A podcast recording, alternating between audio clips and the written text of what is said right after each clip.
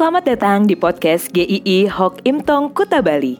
Penginjil Ray Reginaldi akan membagikan renungan harian singkat untuk membawa Anda mengenal dan menyembah Tuhan Yesus, bertumbuh dan menjadi murid Kristus, serta berdampak untuk banyak orang. Jika Anda merasa diberkati melalui renungan ini, silahkan bagikan podcast ini agar orang lain juga diberkati.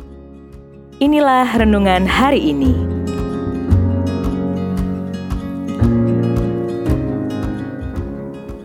Dengarkan Tuhan, kejadian 3 ayat 6b.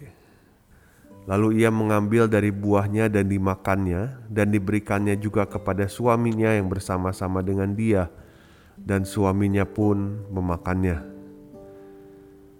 Ketika Neil Armstrong untuk pertama kalinya tiba di bulan, dia mengucapkan kata-kata seperti ini. Ini adalah satu langkah kecil bagi seseorang, namun satu langkah besar bagi umat manusia. Ya, itu adalah satu peristiwa yang bersejarah. Ada manusia sampai ke bulan, dan itu luar biasa sekali bagi umat manusia. Tetapi ada satu peristiwa yang sangat mempengaruhi sejarah umat manusia dari zaman ke zaman, abad ke abad, yaitu kejatuhan manusia pertama ke dalam dosa. Kita bisa katakan itu adalah satu kejatuhan, tetapi berdampak pada kejatuhan bagi seluruh umat manusia. Adam telah mengambil langkah yang salah, yang dianggapnya pada saat itu mungkin tidak serius, namun berakibat fatal. Kehidupan yang paling indah dan ideal sebetulnya di muka bumi adalah kehidupan yang pernah dimiliki Adam dan Hawa sebelum mereka jatuh ke dalam dosa. Namun, dalam kondisi seperti itu, justru mereka terjatuh ke dalam dosa yang akibatnya sangat fatal. Momen kejatuhan ini karena Adam tidak mendengarkan firman Tuhan, apa yang dikatakan Tuhan Coba kita lihat pola yang terjadi. Adam mendengarkan Hawa, sedangkan Hawa mendengarkan iblis. Tidak ada yang mendengarkan Tuhan. Di saat Adam tidak mendengarkan Tuhan, pada saat itu juga dia tidak mempercayai apa yang Allah katakan sebetulnya. Tuhan mengatakan pada hari engkau memakannya pastilah engkau mati. Ada perubahan pandangan yang sangat mendasar sekali. Dari buah yang tadinya membawa kematian dan penderitaan yang difirmankan Tuhan, berubah seketika menjadi tampak yang baik dan menarik hati buah itu. Ini karena tidak mendengarkan Tuhan.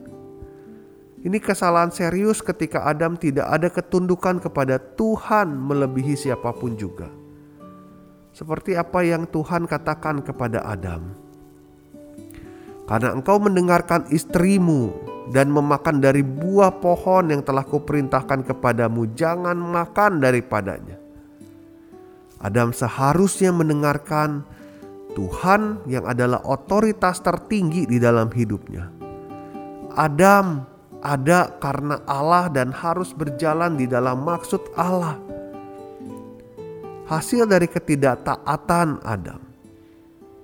Maka mengubahkan relasi yang begitu indah tadi dengan Tuhan menjadi musuh dengan Tuhan. Menjadi rusak, yang dekat jadi jauh. Tapi kita bersyukur karena Tuhan Yesus hadir ke dalam dunia. Allah tidak bertopang tangan membiarkan manusia ada di dalam dosa dan di dalam penghukuman. Dalam kasihnya dia datang ke dalam dunia. Ketika Tuhan Yesus di dalam dunia sekalipun dia digoda. Bukan hanya oleh makanan buah dengan berbagai-bagai hal.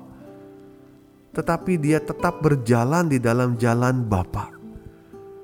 Dia tahu apa yang harus dilakukan. Dia tahu apa kehendak Bapaknya dia tidak menyimpang sedikit pun, sesenti pun tidak dari kehendak Bapa. Bahkan sampai mati di kayu salib untuk menebus kita. Ketika mati di kayu salib Tuhan mengubahkan kita dari hidup di dalam dosa menjadi hidup kudus yang baru di dalam Tuhan. Maka kita sebagai orang percaya, mari dengarkan Tuhan hari demi hari. Jangan bermain-main lagi dengan dosa. Jangan anggap sepele dosa. Jangan bilang, ah ya cuma itu aja.